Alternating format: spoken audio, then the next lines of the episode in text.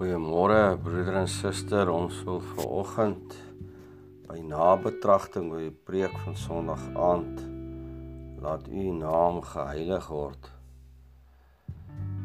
'n bietjie oor te praat. Dit is so nodig om die preke wat ons gekry het 'n bietjie verder te verteer, te herkou met mekaar sodat dit stewiger in ons lewe ingesement word.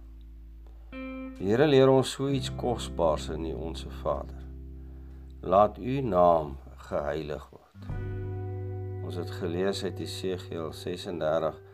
Ek wil net 'n enkele vers herhaal daar, vers 23. En ek sal my groot naam heilig onder die na wat onder die nasies ontheilig is, wat julle onder hulle ontheilig het.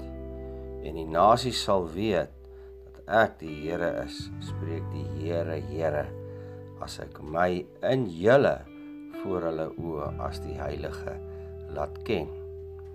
En dan Jesegiel 36 vers 31 en 32 dan sal julle dink aan julle verkeerde weë en aan al julle handelinge wat nie goed was nie en julle sal vir julleself waaglik wees oor julle ongeregtighede en oor julle gruwels. Ek doen dit nie om julle ontwil nie, spreek die Here, Here. Laat dit julle bekend wees. Skaam julle en bloos oor julle wee o huis van Israel. Laat u naam geheilig word. Het God dit nodig? Nee. Dis nie 'n kwessie dat ons sy naam kan heilig of kan grootmaak asof dit klein is nie. Hy is ontsaglik heilig, sê Psalm 33 vers 11. Die punt is dat ek en jy as gelowiges hom as eerste prioriteit in ons gebed sal erken en herken as heilig. Ons het nodig om tot dieper besef van sy heiligheid te kom, want daarin lê ontsaglik veel vir jou en my as kinders van die Heilige Vader wat ons insluit in 'n ewige verbond met hom.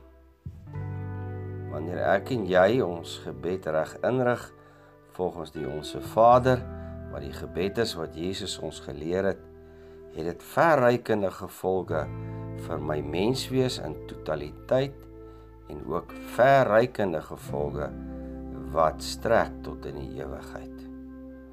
Laat u naam geheilig word beteken U naam is heilig, is hoog heilig. Gee dat ons dit sal erken en bely. Hoe rig ek nou my gebed prakties so in dat my gebed nie begin met my lysie van alles wat ek wil hê eerste nie? Die heel eerste wat ek doen is om stil te raak voor die Here. Ek doen dit deur soos in 2 Korintiërs 10 vers 5 prakties soos daar staan terwyl ons planne verbreek en elke skans wat opgewerk word teen die kennis van God en elke gedagte gevange neem tot die gehoorsaamheid aan Christus.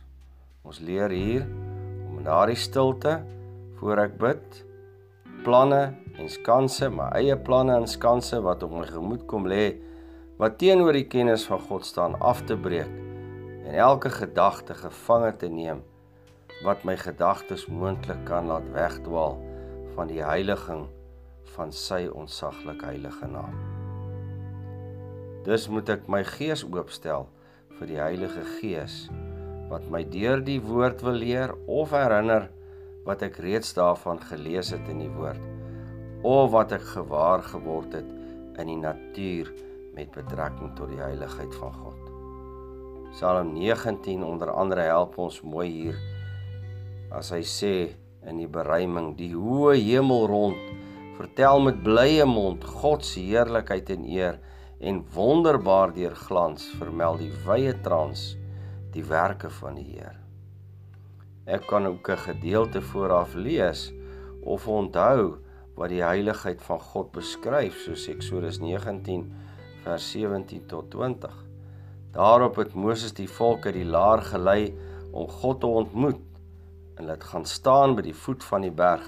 En die hele berg sien hy het gerook omdat die Here in 'n vuur daarop neergedaal het. en sy rook het opgetrek soos die rook van 'n oond en die hele berg het vreeslik gebewe.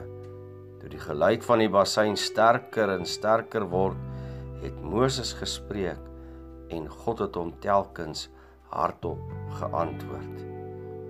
Dan in Eksodus 20 vers 18 tot 20 is die reaksie van die volk op hierdie geweldige groot gesig wat hulle hier sien, hierdie werklikheid waar God op die berg neerdal.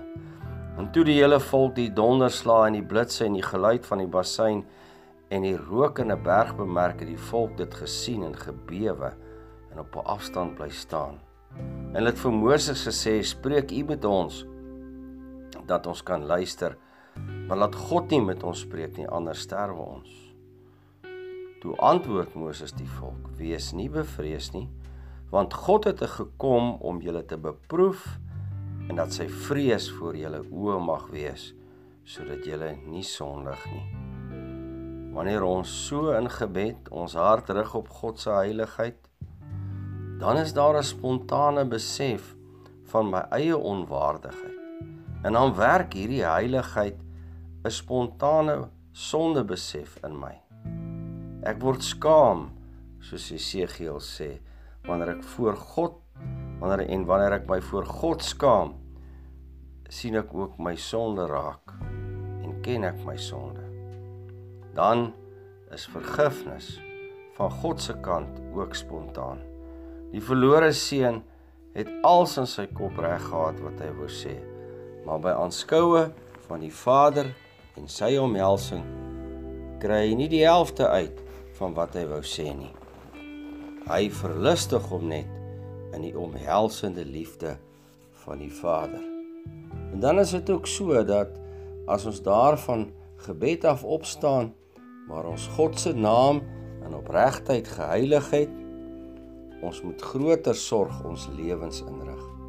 En so oorspoel God se heiligheid sy verbondsgenade, sy goedertierenheid wat onlosmaaklik aan sy heiligheid verbind is. My en jou hele lewe. Kom ons bid saam.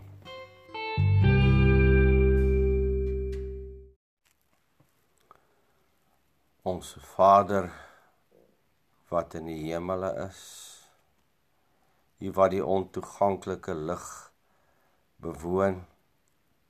U wat Uself omhul met wolke donkerheid. Heilig, heilig. Heilig is U naam, so roep die serafs U toe. Gee dat ons U kinders ook U naam sal heilig soos wat dit heilig is in die hemele. O Here, laat U koninkryk kom u koninkryk wat 'n ewige koninkryk is waarvan u ons burgers gemaak het in Jesus Christus ons Here. Laat u wil, o Vader, wat maar alleen die beste is, ook in ons lewens geskied. Want by u wil vind ons rus.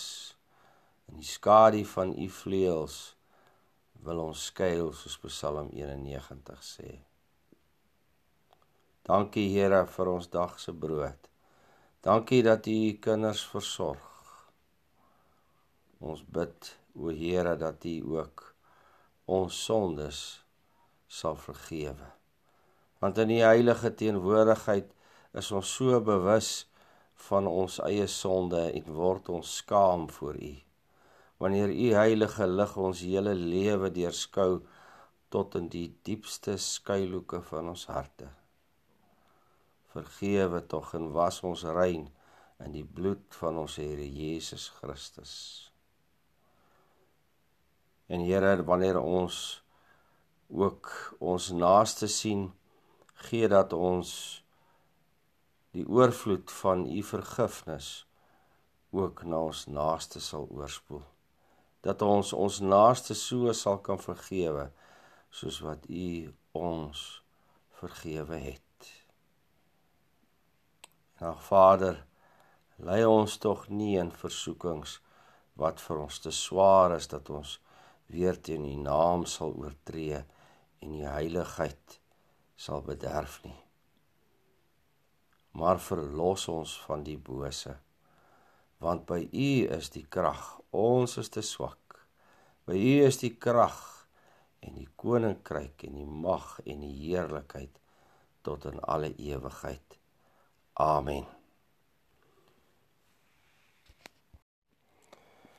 Jy kan nou met my hartlik saam sing Psalm 89 vers 2.